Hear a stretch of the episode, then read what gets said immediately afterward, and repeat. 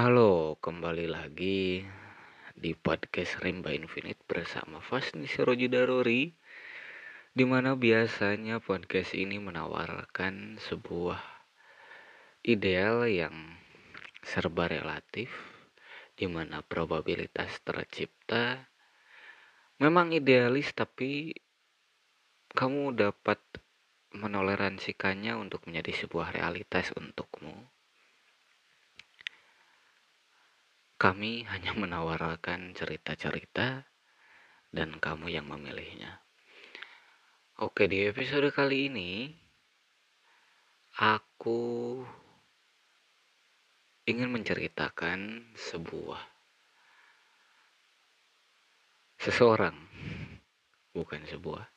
Aku ingin menceritakan seseorang yang jatuh cinta. Yang jatuh cinta tapi dia tak dapat mendapatkan balasan. Tapi cintanya tak dibalas. Iya emang cerita ini emang oke okay, banyak banyak dari kita mengalaminya tapi aku ingin menawarkan sebuah cerita baru selain dari kehidupan cintamu itu. Seseorang ini, sorry, seseorang ini dia jatuh cinta tetapi dia tidak mendapatkan balasan. Karena mungkin seseorang yang dia cintai itu nggak mau atau karena sudah punya orang lain atau ya banyaklah alasan mengapa dia tidak mendapatkan balasan cintanya. Dia jatuh cinta seperti air yang jatuh dari awan hujan. Dia seperti satu tetes air hujan yang jatuh. Tapi tetapi bumi tidak ingin menerimanya. Dia tidak mendapatkan balasan untuk kejatuhannya itu. Tetapi juga dia tidak dapat kembali ke atas tidak dapat kembali ke kawanannya di awan. Dia tidak dapat kembali ke atas sana karena dia tidak mampu. Lalu apa yang terjadi pada tetes hujan itu? Dia tersesat. Dia diambang di sebuah udara. Tidak jatuh tapi juga tidak naik lagi. Dia hanya diam di sana. Karena bumi tidak menginginkannya.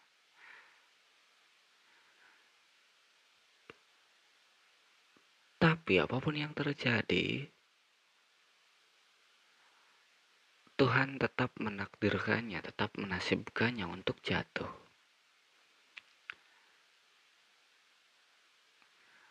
Apa pun yang terjadi, dia tetap jatuh. Dan itu nggak bisa dimulai lagi dari awal. Inilah yang terjadi pada seseorang itu. Dia terjatuh meskipun dia tidak mendapatkan balasan atas kejatuhannya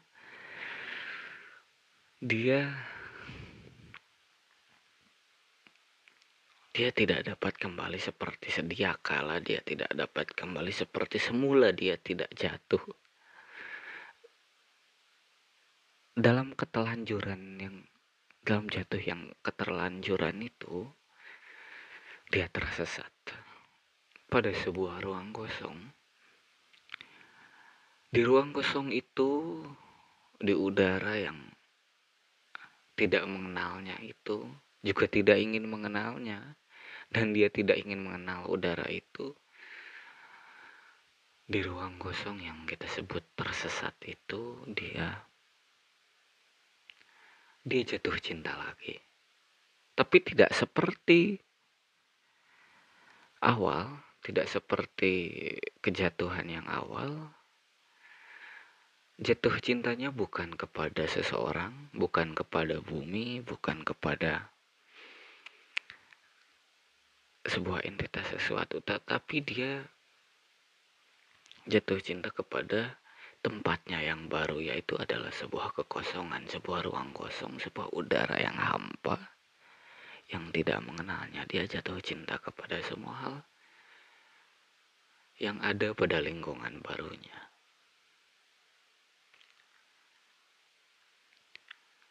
Lingkungan barunya itu sangat kejam, tetapi dia tetap jatuh cinta. Kejam karena mereka tidak tidak menerimanya juga. Tetapi kalau kamu kalau kamu kata mereka kalau kamu pengen di sini ya boleh. Tapi kita nggak ada urusan sama kamu. Oke, dia cukup menerima hal itu asal dia diterima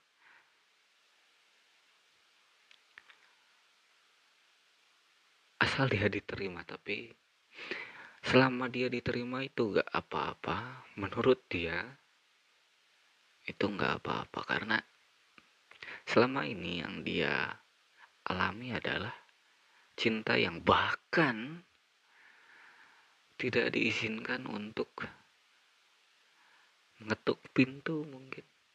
Hanya mengetuk pintu saja dia tidak dibolehkan Bahkan di teras rumah pun dia tidak diizinkan.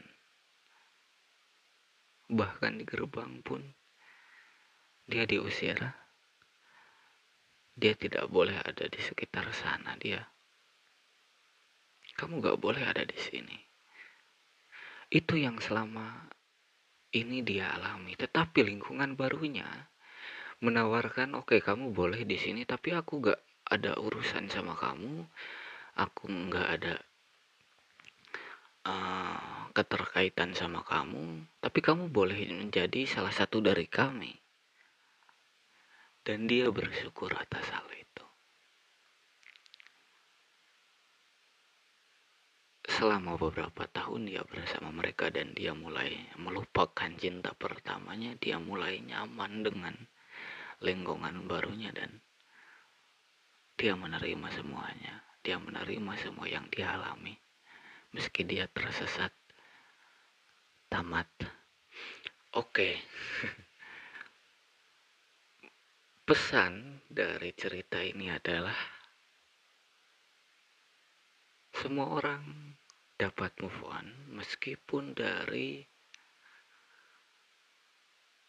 cinta yang keterlanjuran yang tidak dapat diterima yang tidak menerima balasan cinta yang membuatnya tersesat. Semua orang dapat survive, semua orang dapat selamat dari dari kesakitan. Ya, aku tahu itu sakit, itu sakit banget, tapi kamu dapat mengenal, kamu dapat mencintai lingkungan kamu yang baru yang tidak ada dia, yang dia tidak peduli dengan lingkungan barumu, tapi kamu dapat mencintai lingkungan barumu itu. Selama kamu diterima, itu nggak apa-apa. Iya, aku tahu itu sakit, tapi memang begitu kenyataannya. Ah, iya. Dan kita juga sadar akan satu hal dari cerita ini, yaitu adalah tidak semua keterlanjuran itu buruk, tetapi keterlanjuran dapat memberikanmu suatu hal yaitu adalah kehidupan yang lebih bermanfaat, yaitu mensyukuri hidupmu. Terima kasih telah mendengarkan. Sampai jumpa di episode selanjutnya. Dadah.